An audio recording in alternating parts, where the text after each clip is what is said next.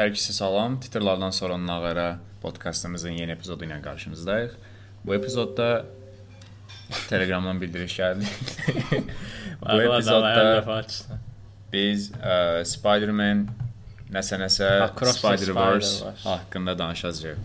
Orada nə deyirdi? Anarxro, nə bilim, nə verse, anarxro. Orada şey deyir. Miguel. Nəysə də, yəni Spider-Man-in yeni animasiyası haqqında danışacağıq. Çox iyrənc başlaya bilərdim.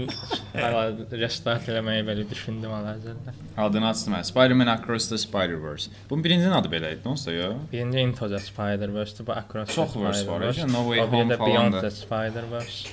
Yəni, aha. Hamısında verse var da, option. Mhm. Okay. Tək verse olmasın. Ok. Spider-Verse. Yəni çox iyrənc zarfdır. Uzun sözün qısası məncə kifayət qədər yaxşı animasiya idi hər bir halda. Yəni bilmirəm bunu deməyimə ehtiyac var yoxsa yox. Onsuz da reytinqlərdə falan hər yerdə partladır, amma hər bir halda bir animasiya olaraq izləmək xoşumuza gəldi. Bilmirəm bu arada ə, bizim formatı bilirsiniz yoxsa yox. İlk təxminən bir 10 dəqiqə, 15 dəqiqə spoilersız danışmağa çalışacağıq. Gördüksə alınmır, üzə başlayacağıq spoilerları bir-bir döşəməyə. Amma Ona görə- xəbərdarlıq eləyəcək başlayanda narahat olmayın. Eləməmə ehtimalımız da var. Yəni nəsə belə birdən-birə hər hansısa bir şeyi səhvən puşlaya bilərik. Hər bir halda məncə Marketinq səhvi eləyirsən hal-hazırda. Baxmayanlar çıxdırıcı. siz hazırlıqlı olun da. Yəni mən Nəysə başlayaq. da kapitalizmə qurban getmirəm. Onda ümumi fikirlərdən başlayım. Bu mən buna çox fikir verdim və heç halda eşitmədim deyə birbaşa bu detalla başlayacağam ki, e, Miles Morales bildiyiniz kimi 2011-də falan çıxmış, yəni yeni yaranmış Spider-Man-dir. İlk yarananda o qədər müsbət qarşılanmamışdı və haqqında hələ də bu arada bəzi düzdür bir qədər müsbət qarşılanmağa başlayır, amma yenə də Miles Moralesin Spider-Man olaraq qəbul edilməyən böyük bir tayfa var hələ də. Bu kinoda onun e, saptıllarını görə bilərdik. Yəni müəyyən qədər Miles Moralesin Spider-Man olaraq qəbul etməyən tayfaya da bir izah eləmə var idi əslində. Bundan başqa da ikinci bir mövzu var Spider-Man-la bağlı, çox bağlı. Əgər komikslərlə maraqlanırsınızsa, yəqin ki, bilirsiniz, Spider-Man yazarlarının son illərdə etdiyi ən böyük səhvlərdən ya da bir şeylərdən biri odur ki, Spider-Man-ə xoşbəxt həyat vermirlər və düşünürlər ki, ancaq əzab çəkməlidir, amma bunu edəndə artıq çox ağını çıxardıblar idi Spider-Man-i. Hamı ölür. Bəli, yəni mədəni dildə Adamın olmayacaq. toxunduğu hər şey ölür. lox kimi göstərirlər. Belə ancaq belə izah edə bilərəm. Buna də yəni biri var bildiyimiz əzab çəkən Spider-Man, bir də var Post lox Spider-Man-da yəni. Okay. Buna Hazırlıqlı gəlmişsən, hə, yəni belə bayaq. mən baxanda elədim və çox ləzzət verdi. Çünki neçə ildir mənə də bu ləzzət eləmir Spider-Man fanı olaraq. Kinoda bunun e, işləntilərini gördüm. Çünki e, müəlliflər, prodüserlər adlarını Chris Miller və o birinin adını unutdum. Onlar da e, uşaqlıqdan bəri, cavanlıqdan bəri komikslə çox oxumuş, komiksi sevən insanlardır. Yəni izləyəndə də hiss olunur bu. Hiss olunur ki, onlar da bundan bezmiş, buna qarşı yəni onların da bu mövzu ilə bağlı bir fikirləri var. Onu hiss eləyə bilirsən və bunu ekranda görmək çox xoşuma gəldi. Bu bir fikir idi. Bir Hələ- fikir idi. Hələ ki, hələ ki. ya. Spider-Man-lə bağlı algıları dağıtmaq operasyonu. Bəli. Spider-Man fəlsəfəsi haqqında 3 saatlıq mühazirəmə gəlmək istəyən Ya lap belə Spider-Man özü ə, onun arxa fonu, onun burada yaşadıkları və kimlik krizisi və s. kimi belə mövzulara girişməmişdən qabaq hər şeydən əvvəl məncə bir coming of age, yəni ki, bir yeniyetmə filmi olaraq mükəmməl film idi.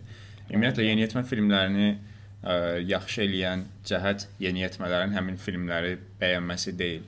Yeniyetmə filmini coming of age kinolarını yaxşı coming of age film eləyən şey odur ki, ə, müəyyən qədər artıq yeniyetməliyi keçmiş, Amerikalıların bu young adult dediyi müəyyən qədər yetişkin amma hələ də o gəncliyin arasında olan 20-25, bəzən 25-30 yaşlarda olan insanlar baxıb həmin filmlərə nostalgiya yaşayırlarsa, yəni oradakı o vibe, oradakı emosiyalar, dialoqlar və s. onlara müəyyən bir nostalgiya effekti verirsə, deməli bu həqiqətən yaxşı bir coming of age filmidir. Hə. Çünki yəni əksəriyyətimiz və mən düşünürəm ki, bu podkastda qulaq asanların da heç biri o Amerikan high schoollarında və yaxud da ki, Azərbaycan rayonlarındakı məktəblərdə bully olan tiplər deyil. Yəni əksəriyyətimizin yeniyetməliyi və o məktəb illəri və s. o qədər də ideal keçməyib. Yəni, bəlkə də bəzilərimizdə keçib, indi hər adamın adında danışmayım, amma ki çox insanda bu elə olmayıb deyə istərsəmiz baxıb o nostalgiya hissini yaşaya biliriksə, deməli həqiqətən bu yaxşı coming of age filmidir ki, mən onu yaşadım. Yəni hər şeydən əvvəl animasiya, komiks və sair mövzularını qırağa qoyaraq belə yeniyetmənin dərdləri, gündəlik həyatı, ailəsi ilə olan münasibətləri, sevdiyi qızla olan münasibətləri, dostluqları və s. bu hissi çox yaxşı verir. Bir də bir məsələ var ki, Peter Parker ümumiyyətlə 60-70-ci illərin personajıdır, səhv vermirəmsə. 42. Hətta yəni bu adam demək olar ki, bu American Dream-in nəticəsində formalaşan Bəli. Amerikan rüyası deyilən bir konsept var idi ki, bu adam əslində onlara tamamilə uzaqdır deyə həmin illərdə gənclər tərəfindən bəyənilib. Yəni Çünki e, herodur hətta o vaxta qədər yazılan heç bir heronun problemi olmurdu. Yes. Şəxsi həyatı yox idi, nə bilim, Bəli. və heç biri yeniyetmə deyildi, 30-lu, 40-lı adamlar idi və buna hətta ona görə də qarşı çıxmışdılar Stanley-yə Stanley də demişdi ki, yox, yəni insanlar xoşlayacaq falan filan. Yəni Peter Parker əslində kasıb, müəyyən qədər oxuyan nörd uşaq, ailəsi bilmirəm, əmisi ilə, xalası ilə yaşayır və əmisini də bəzən itirir, bəzən xalasını itirir, bəzi universitetlərdə bəzən sevgilisini itirir. Yəni bu personaj əslində bu personaj əslində hamımızın müəyyən qədər empatiya qura biləcəyimiz bir personaj idi ki, Məncə dəyişikliyə ehtiyac var idi Miles Morales cəhətdən. Çünki yəni müasir bizim Z generation dediyimiz müəyyən qədər özümüzün də bir parçası olduğumuz generasiya Peter Parker generasiyasından müəyyən qədər fərqlidir. Bəli, bəli. Ona görə də istərsiniz digər auditoriyadan olan insanlar da yeni Peter Parker, yəni ki Miles Morales-la assosiasiya qurmaq məcburiyyətində hiss edir. Məcburiyyətində deməyim, o ə, privilegiyasında, o üstünlüyündə hiss edir. Çünki baxırsan, görürsən ki, bu adam hip-hopa qulaq asır, bu adam həm oxuyur, həm də əylənir, deyir, gülür. Fonu başqa cürdür, evet, etnik kimliyi başqa cürdür. Eynən basketbol izləyir, qrafiti ilə məşğul olur. Yəni həqiqətən də məsələn Peter Parker hər nə qədər New Yorklu olsa da müəyyən qədər suburb dediyimiz, yəni bu şəhər qırağı uşağı idi. Yəni belə daha müəyyən qədər orta klass idi də demək olar ki. Amma bizim gördüyümüz Miles Morales həqiqətən şəhər uşağıdır ki, indiki dövrdə onsuz da çox böyük şəhərləşmə var və hər birimiz şəhərdə böyüyürük. O şəhər mədəniyyəti ilə birgə inkişaf edirik və s. Ona görə Miles Moralesin indiki gəldiyi mərhələ həqiqətən bütün onun yaşıdlarının izləyəndə empatiya qura biləcəyi bir personaj olmasına gətirib çıxarır. Bəli, bundan əlavə də kinoya qayıdacağam yenə animasiya tərzindən danışmaq istəyirəm. Kino ilə İncəsənət muzeyinə getməyin e, tək fərqi var. Məncə o da odur ki, burada hər şeyin mənası var muzeydən fərqli olaraq. Təsəvvür muzeyə getmisiniz və hər şeyin mənası var. İncəsənətə şey dedin ki, indi. Rəviş istədim nəsə, amma həqiqətən baxanda çox səsli şəkildə arada şey oldum, yəni o da oldum, yəni belə o bəzi Gvenin dünyası ilə başlayır Güvən özünü pis eləyəndə hər şey mavi olur, qucaqlaşır, təzədən rənglər açılır. Sonra o biri dünyaya keçirik. Orada tamam fərqli stildə çəkilmiş bir dünya var. Rənglər tamam fərqlidir. Sonra keçirik Hindistana. Hindistanda hər şey tamam fərqli. Sonra punk gəlir. Punkın yəni personajların olduğu dünyanın tərzinə uyğun çəkilib, amma yenə də bir-birlərinin yanında hiss eləmirsən ki, yəni qofuq-qofuq deyirlər də, yəni birləşə bilirlər. Yəni bu görüntü olaraq çox mükəmməl səviyyədə idi məndə. Hə, o o dediyin o məsələ var, ya, var punk olsun, bəli. o Hindistanlı Spider-Man olsun. Bunların hamısı indi baxıram məsələn kinoda 4 dildə söhbət gedib. İngilis dili, Hindistanca, indi İspanca, İtalyanca və İspanca. Yəni və bunlardan da həqiqətən maksimum istifadə olunub. Mən hər nə qədər var, var ingilis aksent. Aha, mən çatdıra bilmədim. Ona görə türkcə dublyajda baxmalı oldum. Türkcə dublyajda belə dublyaj eləyənlər o qədər fikir veriblər ki, İspanca məsələn tərcümə olunmayıb. Hindistanlı Spider-Man Hindistan aksenti ilə türkcə danışırdı məsələn. O da çox maraqlıdır. Yaxşı. Türklər dublyajda yaxşıdır ona görə həqiqətən. Amma çünki Punk-ı mən orijinal dildə izlədim. Punk-ın danışığını arada Miles də başa düşmür. və sən də başa düşmə. Yəni baxdım bayaq rəylərə, yəni mən ingiliscəmdə deyildi deyəsən. Çünki Amerikanlılar xüsusilə çoxu deyirdi ki, yəni mən başa düşmədim falan deyirdi. Britishlər yazırdı, hə, hə Amerikanlılar bilmirdilər.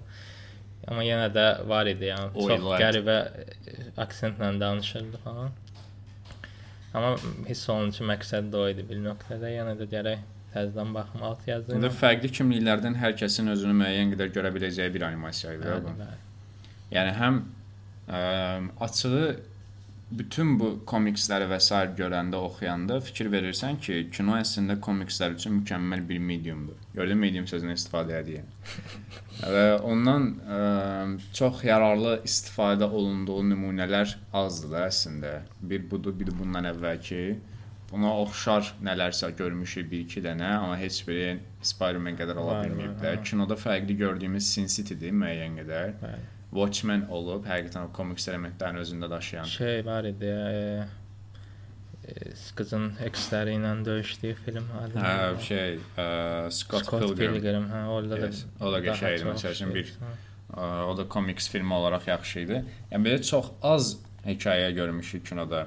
Amma məsəl üçün bu Scott Pilgrim olsun, Sin City olsun, Watchmen olsun, indi Watchmen-i qoyum qırağa. Sin City və Scott Pilgrim kimi kinolarda storyline dediyimiz bu hekayə xətti, ümumiyyətlə axışı indi izlədiyimiz Spider-Man filmindəki hekayə kimi deyil.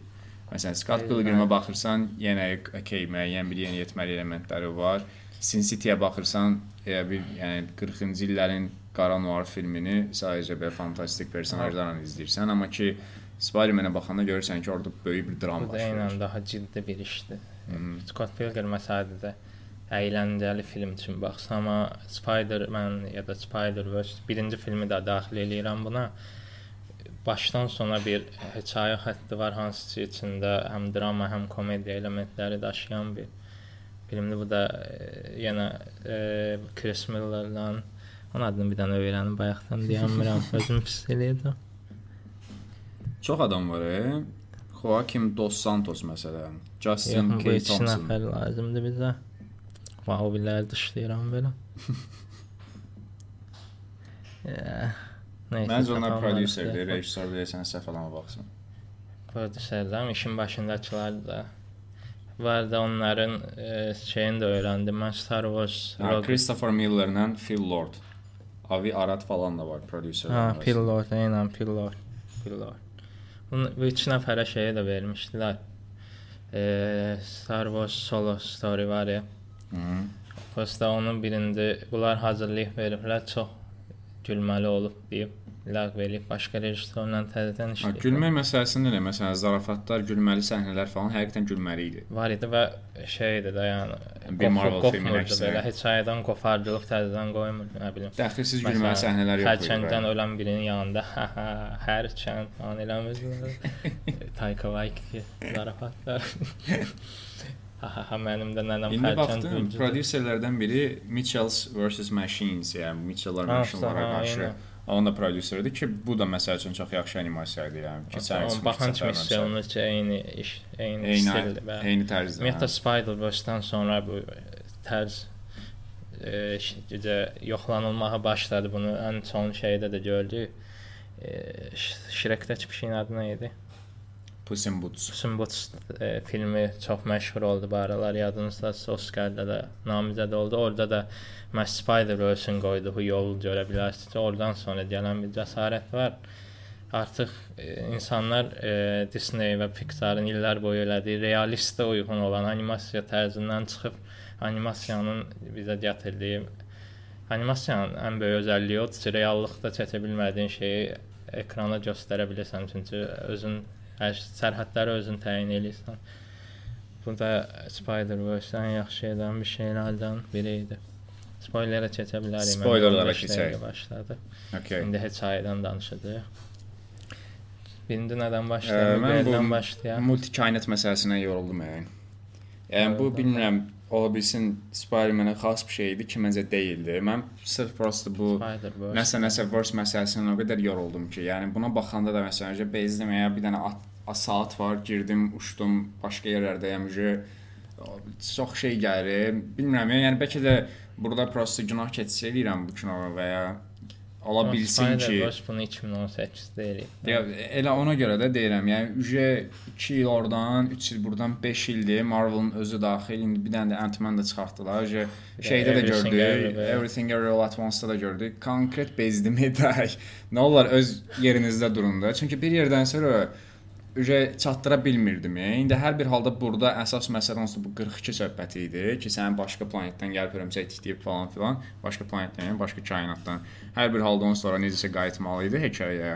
Kim böyük ehtimalla bunu onsuz da 2018-dən falan fikirləşib də.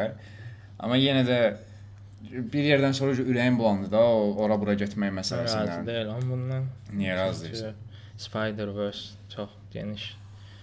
Yəni təzə anlayış deyil, amma burada əsas məqsəd e, Spider-Man-ın e, fərqli kainatlarda olmasının əsas məqsədi yəni Spider-Man öz ideyasına uyğun gəlir, hansı ki Spider-Man Peter Parker Spider-Man olmalı olduğu üçün Spider-Man deyil. Hörümçək onu dişlədiyi üçün hörümçək yəni ta- tamamilə təsadüfi şəkildə hamımız Spider-Man ola bilərik. Hər yerdən Spider-Man çıxa bilər mesajının kainatlarda işlənmiş versiyası. Bu da kain belə baxanda yəni hamısını bir yerə yığmışdılar da bu səfər. Yəni mən fikirləşirəm ki, əgər sən ə, empatiya mesajı verməyə çalışırsansa ki, hər kəs super qəhrəman ola bilər, bunun üçün bizim milyon dənə kainat görməyimizə ehtiyac yoxdur. Çünki normal həyatda da milyon dənə kainat görmürük də əslində. Bir dənə dünyada yaşayırıq, Normal bir kainatda yaşayırıq. Görmək istəmirik də biz. Fərqli bir şey görmək istəyirik. Mən də Spider-Man olsa fərqlidir də.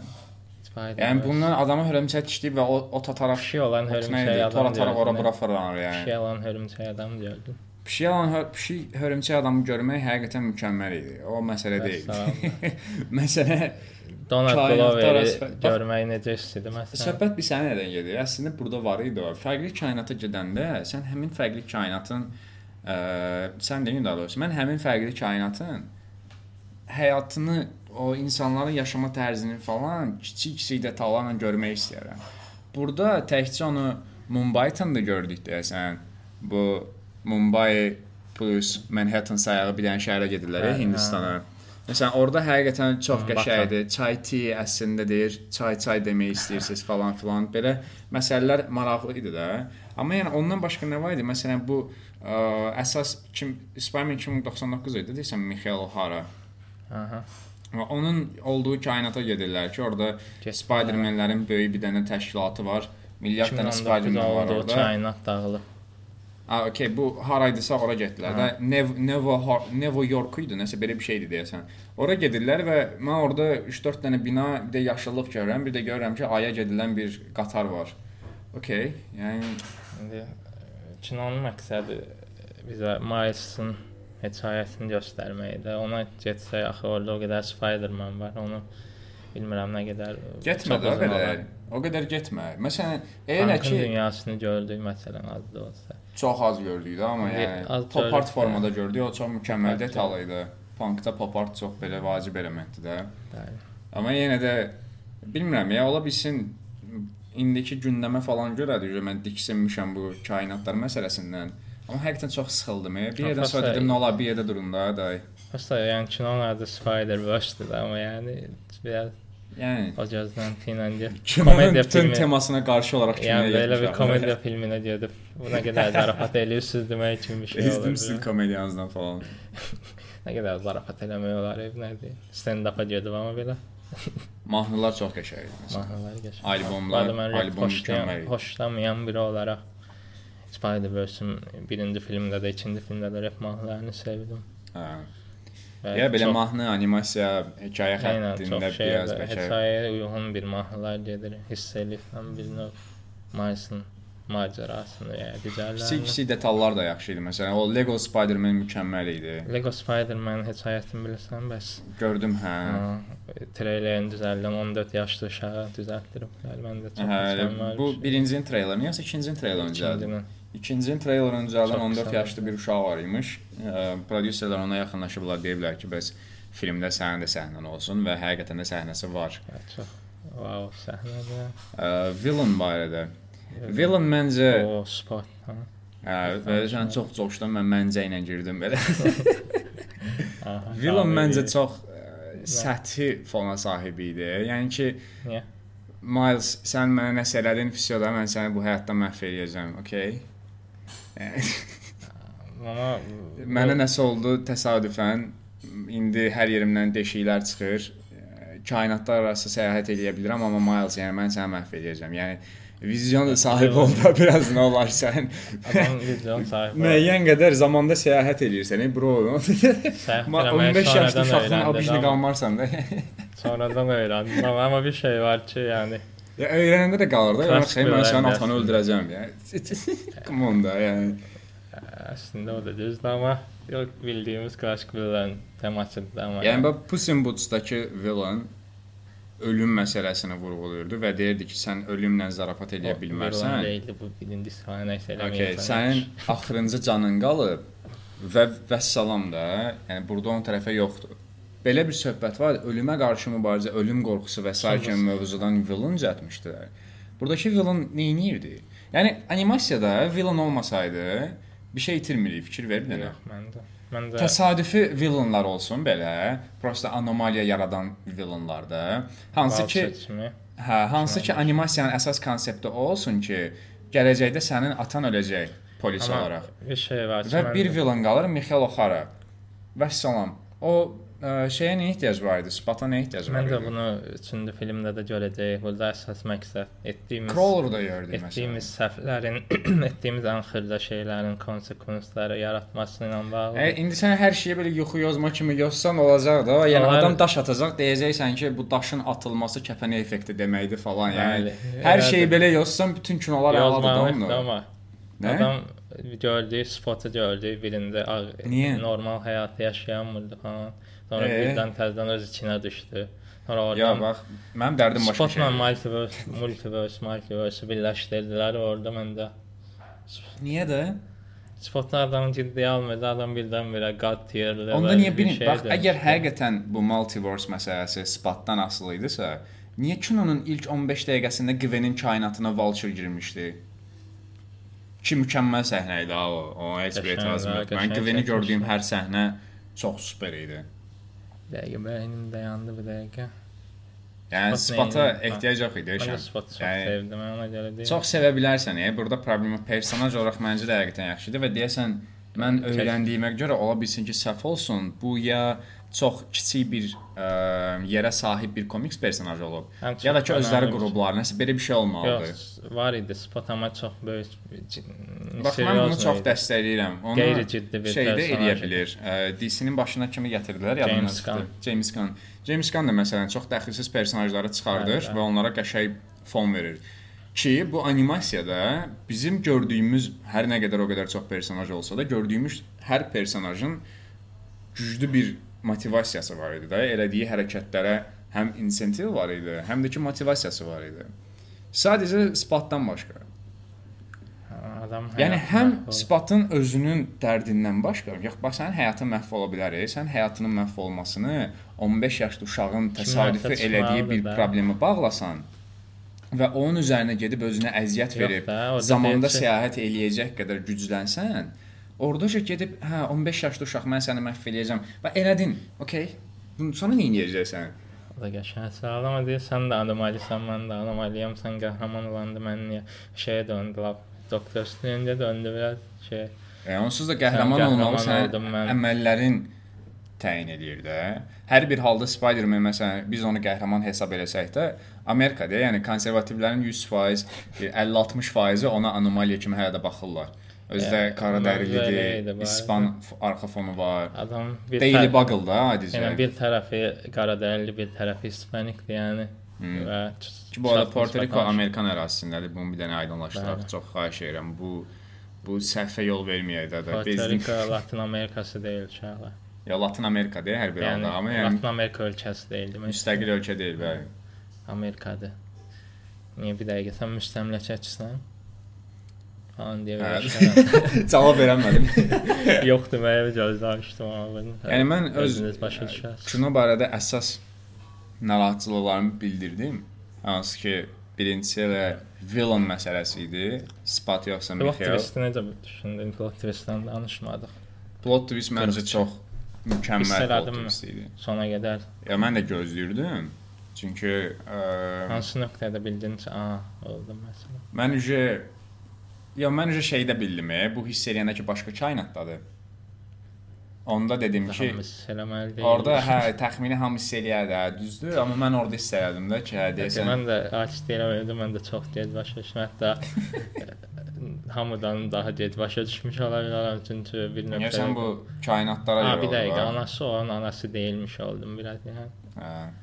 Özünü görəndə, özünü görəndə də bildim tamam, Mayıs bu da Mayıs olacaq. Yəqin ki orada. Hə, bax mən təxminən bu hörümçək adam söhbət edir, deyir ki, mən Spider-Man-əm. Anası reaksiya vermir. Hə. Orada hiss elədim. Yəni o hələ qalxır yuxarı orada deyir ki, hayda bu kainatın Spider-Man-i yoxdur istəyəsən. Amma yəni mən evdə olanda hiss eləmişdim də. Okay. Amma şey bəyəndim mən. Yenə mimlər yarandı, həyatımı məhv edən insanla qarşı-qarşıyayam Mayıs'ı gördük, axı başqa Mayıslar Hə, digər personajlar çox qəşəng idilər. e. Yəni Çox. mən o Hindistanlı Spider-Man-ə baxmaq istəyirəm e, tamamilə. çox Özdə yəni. bir də çox var da həmin Bax, şey deyəcəm mən. Çox stereotipikal yanaşmalar olur kinolarda ki, bu müəyyən qədər əslində insanlar o stereotipikal şeyləri görmək istəyirlər deyə var da. Heç bir rejissor özünə demir ki, bunu qoyum. Ə, amma burada o Hindistanlı Spider-Man-in Mumbai-ni Mumbai Mumbatan. Hatton eləməyi, Mumbatan, hə. Üzərinə oğlanın həqiqətən də belə cool deyə biləcəyimiz belə Yəni, konkret iti- iti çox səliqəli saçı falan hər şey çox mükəmməl idi. Özdə Həyatında heç bir Spider-Man ağrı yox, deyə şey yox. oxuyandı. Öz etnik backgroundunu yaşadır. Sevgilisi var. Sevgilisinin atası da yaşayır. yəni hər türlü çox qəşəng idi də. Punk'ın özü məsələn, Punk həqiqətən Punk idi Punk də. həqiqətən Və orada elə maraqlı anarxiya ilə bağlı falan Eynən, söhbətlər döndü ki, mən özüm dedim ki, ayda yəni bu Politik çox oldu. e, yəni, bir ara Prime Minister göndərməsi. Amma var da, bax həqiqətən bu boomerlar, nə bilim, media holdinqi sahibləri falan filan uşaqları elə bilir ki, həqiqətən uşaq uşaqdılar. Da bilmir ki, 10-cu 11-ci sinif uşaqlara oturub anarxo-kapitalizm yoxsa prosta anarxo-kommunizm deyə söhbətlər edirlər. Cəmaət Max Stirnerin falan əsərlərini oxuyur. Bəli. Spider-Punk Ki özümüz də əslində elə idik. Spider-Punk'ın həqiqətən punk olması xoşuma gəlir çünki öz qurduqları sistemdə belə punklıq eləyirdi. Yəni Eynən, bax mən 15 yaşımda bu animasiyaya baxsaydım, Spider-Punk-ı götürüb prop şəkil eləyərdim. o dərəcə mən idim də. Yəni o mən elə elə çox xoşuma gəldi mənim o Gitarla personaj. hücum eləyərdin. Özü gitarla girməyi falan. Orada öy- Miles Morales öyrətdiyi səhnələr falan da oldu Hətta da. o e, Miles-ı həbs eləyir Miguel. Orada Hə. bir saniyə əlindən göstərir belə ki, bax elə elə sonra Aha, bu arada bax o personajlar deyəndə bir dənə də narahatlığım var. Bu axırıncıdır da amma. Aha, tamam. yəni mən parça-parça eləyəcəklər görəndə. Ə, Gwen Gwen çox ağıllı personaj idi axı. Onu niyə belə şey elədiniz ki? Yəni Gwen- okey, bəlkə də məsələn demək olar ki, atasından olan problemlərinə görə ücə başı pozulmuşdu və s. Amma yəni Gwen'in 2 ay Miles Moralesin atasının öləcəyini bilməsi 2 ay idi, o bir neçə ay idi da deyəsən. Hə. Bir neçə ay başqa kainatlarda səyahətlər edir də. Yəni sən bir neçə Ümumiyyətlə bir neçə. Spider-Man-lərdən bir dənə Miles-ın qarşı çıxması da biraz Bir də hə, yəni demək olar ki, əksər Spider-Man-lə bəlkə də digərlərini o çağırmayıblar ola bilsin. Çünki Mixail orada deyir də ki, bunlar filan kəslər hazırdır. İndi dünya kainatlar sonsuzdur da, oradakılar amma sayılı idi. Ola bilsin bizim gördüyümüz bəlkə də Spider-Man-lərin 10% falandır yəni. Məsələn, pişik Spider-Man varsa 100% fil Spider-Man də var da və ya da ki, Soul. Ördək. at var idi də yəni. Hə, yəni ona görə Dinozavr belə var idi. dinozavr da var ya, T-Rex Spider-Man. Yəni ola bilsin ki, hə ona görə orada təkcə Miles Morales deyil deyə etiraz edirəm. Amma Miles Morales həqiqətən bir anomaliya olaraq girmişdi də onların arasına. Bəli. Ona görə Amma çağırmamışlar. Gwen, Gwen yəni bir ağıllı personaj idi də Gwen. Gwen hətta Miles'dan müəyyən qədər daha adekvat qərarlar verə bilən, daha belə yetişkin. Gwen e, üç filmdə şey e, ağrısını təzə yaşayan idi. Ən tez Peter'ın ölməyi. Hə. Ya məni də o narahat eləyir də. Yəni 6 ay əvvəl Gwen artıq yetişmiş bir personaj idi də və biz Gwenə baxıb deyirdik ki, okey, Miles da yəqin belə olacaq və Gwen Adam, amma bir şey fikirləşdi. Adama deyirlər ki, atan ölməsə bütün kainat öləcək. O da bir nöqtədə razılaşmalıdır. Yəqin ki, adalt olmağın razılaşmağına daha çox şərait yaratmır. Məsələn, Miles tam ə, yetişməyib. razılaşmağında mən problem görmürəm. Mən Miles problemi şeydə görürəm. O ə, bunu Miles'dan bölüşə bilər. Bəlkə də qorxurdu ki, zibilə düşəcək falan filan. Sürpriz şəkildə gəldi falan. Amma gəldi də. Yəni biz sən onu getdi Miles'la görüşdü. Hə. Onun orada görüşməyi və o görüşdə heç nə etməməkləri çox mənasız idi. O orada görüşdə ya deməli idi ki, belə bir məsələ var. Bundan xəbərdar olmalısan. Hə. Hə, amma yenə də görüşmək üçün Hə, qaçdı hə. da, aranı belə Evet. cırdı, getdi onun yanına. Yəni sən orada gedib ə, Miles'ı görəndə ya nə olacağını deməli idin. Ya da ki, nə olduğunu deməli idin. O Fayda Güven də bir növ onu yaşayırdı atası ilə nəsə Güven elə deməli bir idi, çox deməməli şey idi. qaldı da, belə ə, Biraz şey dedim Miles'ı görüm. Elə bir şeyə bağlamaq üçün istifadə edirlər Güveni ki, Miles necəsə bu multiverse-lərə girsin belə. Ola bilər. Necə sonra bağlamaq üçün istifadə elədilər də ki, bu əslində bir personajdan, özü Gwen kimi personajdan istifadə etməyin ən ideal yolu deyil. Əslində bunu da Güven biraz ə, kinonun indi fikirləşəndə adıma düşdü kinonun axırında falan düzəltməyə çalışdılar. Gwen getdi hamını yığmağa falan. atası ilə danışdı. Atası ilə barışdı özdə. Ata öyle gördü deyəsən əslində ölməyəcəymiş çünki atası polisliyi. Atası polisliyi buraxdığını öyrənir. Orada Hə. deyəsən fikirləşir. A, bir dəqiqə. Mən belə şey oldu amma olmamalı idi əslində falan. Mən bəlkə o da fikirləşdi, bəlkə həqiqətən Marsın haqlı olduğu tərəf var. Aha. Ondan sonra bilmirəm əslində fikirləşmək lazım. Mən bir dəfə də baxacağam deyəsən. Çox detallarında adam hamısını fikir. Arada Eynən buna görə mən ə, əslində qəsdən getməmişdən qabaq müəyyən qədər spoilerlara və insanların fikirlərinə baxaraq getdim və artıq beynimdə müəyyən bir təsəvvür yaranmışdı da. Bir də Letterboxd açıb görəndə ki 4.6-dır bunun birinci xalı. yerdə Hə. Bunu görəndə istərsiniz dedim ki, hə, okey, burada çox böyük recency bias da, yəni təzə izləmişəm deyə onun hype-ındayam söhbəti var. var var. Ona görə də məsələn belə kinolardan hansını təxminən 1 həftə, 2 həftə sonradan gedəndə görürsən ki, əslində tam da deyil ki, eyni şey Puss in Boots-da da yaşamışdım mən. Yəni Puss in Boots da məncə çox qəşəng animasiya idi. Amma yenə də müəyyən qədər flowları var idi də onun da. Məndə yox idi. Mən Bununla birgə. Amma Simbas mükəmməl. Yenə də məsəl üçün xal verməli olsam ki, ə, bu bunun məsələni əslində Dune barədə danışanda da demişdim ki, ümumiyyətlə sequel olacaq, yəni axırda bu TBC to be continued, yəni ki, davam eləyəcək söhbəti gedən ə, filmlərdə onlara Bəli. 5 xal vermək çox şeydir. Yəni maksimum xal vermək İkisini deyim. birləşdirib verməsən bir nöqtədə. Eynən, yəni ona maksimum xal vermək o deməkdir ki, yəni növbəti film nə olur olsun mən buna 5 vermişəm də ki, əslində düzgün yanaşma deyil. Yaxşı olacağına inanmağı göstərir. Hə, yəni bir bütöv olaraq baxmaq lazımdır film da. olacaq. Bundan sonra Mayıs filmi görməyəcək. Ha, okey. Yəni buna şey kimi deyəndə məsələn seriala bax. İndi Game of Thrones deyəndə biz necə fikirləşirik Game of Thrones barədə? Yəni belə filmlər barədə də elə fikirləşməliyik. Bunun axırı nöqtəsi qoyulmalıdır, ondan sonra ümumi olaraq baxmaq xal verəndə finala görə xal çıxırsan. 100%.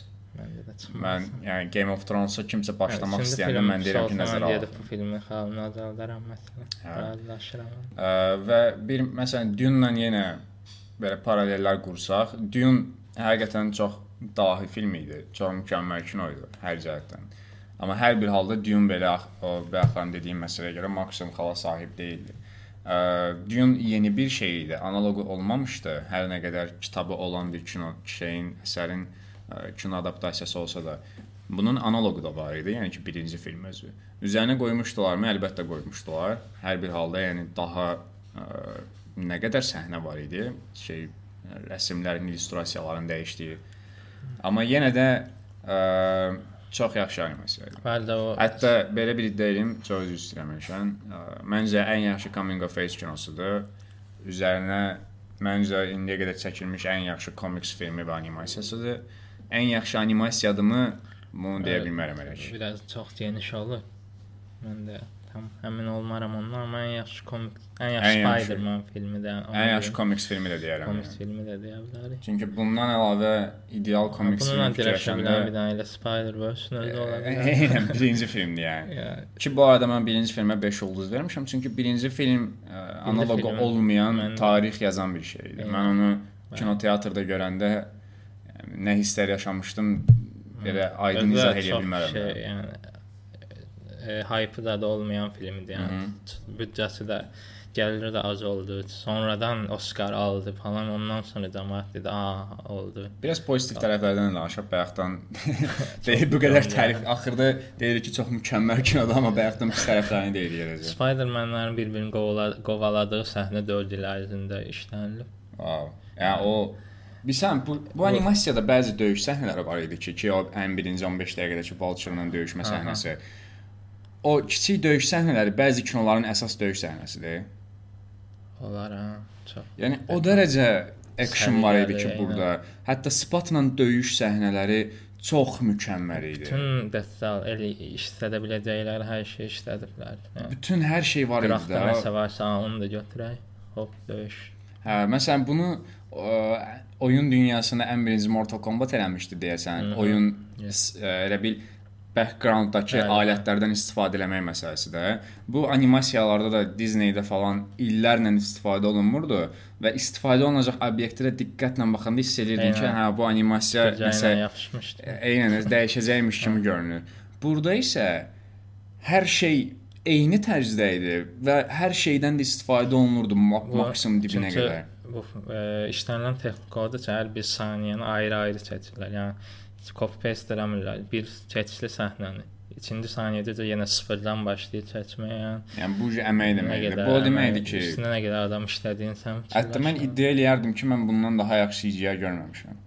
mən də Yəni indi məsəl üçün ən sonuncu sci-fi filmlərinə baxanda yenə ağlıma Dune gəlir. indi Dune-da praktik effektlər idi də, CGI belə deyildi. Buradakı CGI çox mükəmməl. podkastın başında incə sənət şeyini buradan elədim əslində. Çünki həqiqətən sənət var burada. Həqiqətən vizual show. Hətta orada bir səhnə var, Gwen-lə ə, Miles binanın tərsinə dayanırlar, ə, New Yorka baxırlar. O wallpaper belə, orada qaşlar belə elə keçilibdi. Yəni insan başı aşağı duranda qaşının hərəkəti falan Hmm. belə anatomik falan. Bilmirəm, dəhşət. Onsuz da o detallar Gwen-in, yəni məsələn güvən dünyası. Normalda şey olsa deyərsən ki, hə qız Spider-Man gələcək, tərsinə duracaq, saçları töküləcək də və Gwen saçını yığır.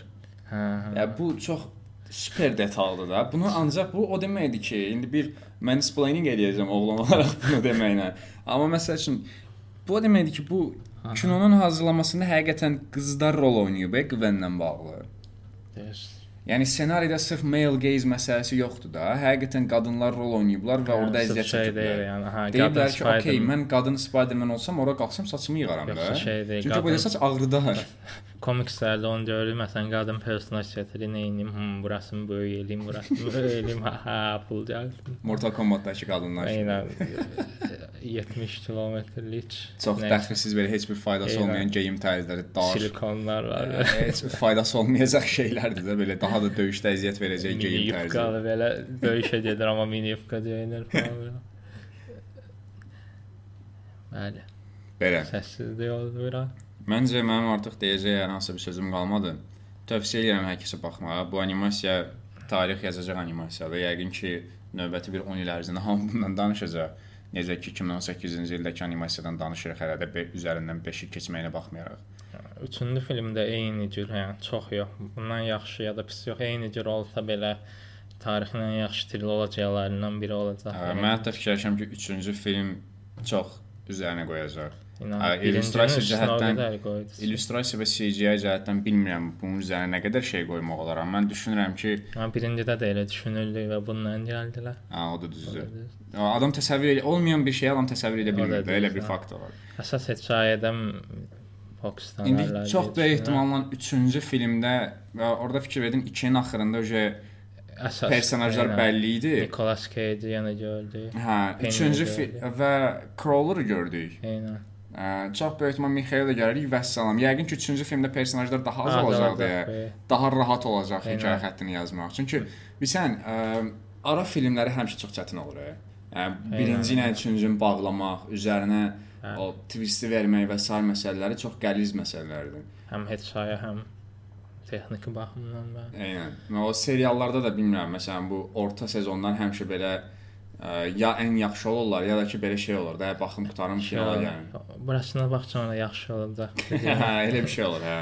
Yəni ona görə burada da çox böyük ehtimalla o hekayə, ssenari cəhətdən biraz elədi, amma Miles Moralesin anomaliya məsələsi, ə, dışlanmış olması, sən əsl hörümçək adam deyilsən söhbətləri, sən təsadüfən hörümçək adam olmusan və bundan Hə, yararlanırsan falan kimi məsələlər, onlar çox ağır məsələlər idi və çox belə detallı, dərin işlənilmiş Özlərinə olduğu çox çox yaxşı pas atdılar bu dəqiqə və bizdə qalıb topu qapıya vurmaq. Ya, özü özü ilə döyüşəndə necə olacaq falan onu təsəvvür eləyəndə ücret tüklərimiz olur. doğrudan yəni. özü özünü çox tanıyır, əslində bilir falan. Hə yəni nə edəcəyini təsəvvür edə bilirdi. Deyəsən bunun analoqu hardasa var idi.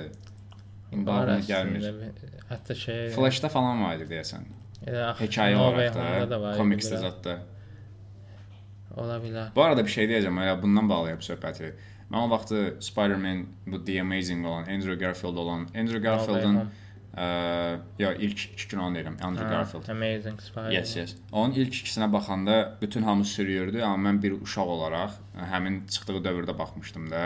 Mən çox xoşuma gəlmişdi və Gwen öldüyü səhnədə çox ağlamışdım. Və 1-2 ay falan onun quruzunda olmuşdum.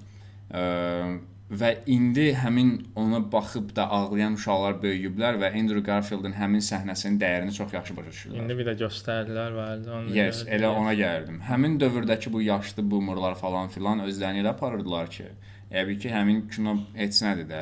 Sözümü Səhv nəyə gətirməyə çalışıram? Ola bilsin bizim də indi danışdığımız bu ə, multiverse məsələsidir, Gwen-in biraz qıraqda qalması məsələsidir, Spot'un çox dəxlisiz bir o qədər də maraqlı villain olması məsələsidir falan. Bu animasiyaya baxan, bu animasiyanın əsas auditoriyası üçün heç nədir. Yəni onlar baxacaqlar və bu səhnələri yəqin ki, bir növbəti 5 il, 10 il ərzində yaşadacaqlar da hər gün. Hə, qəşəng baxışdı əslində. İndi Garfieldlə bağlı fikirdəyərdim, ona çox ayrı. Emma Watson, sən sevirik Emma. Watson.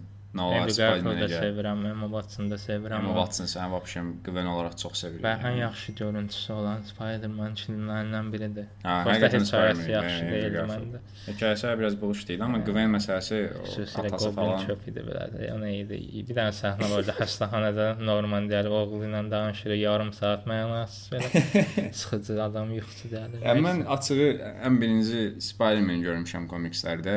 Spider-Man-dən böyümüşəm, hər çıxanda baxmışam və bunu 90-ların animasiyası. bu qədər böyüməyini görmək indi mən belə danışıram, Elşən üçün Spider-Man tamamilə əzizdir. Yəni məndən mən olduğundan bir də qat-qat daha artıqdır da.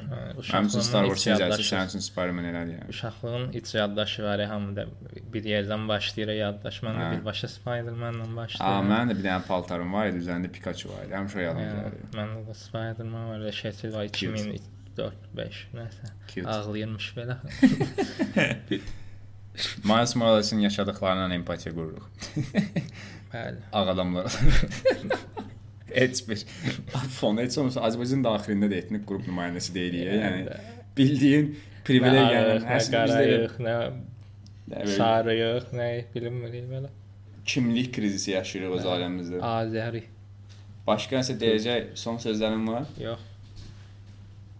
Böyük güc, böyük məsuliyyət gərəkdirir. Tərcümə də eləyənmədim. Gərəkdirir.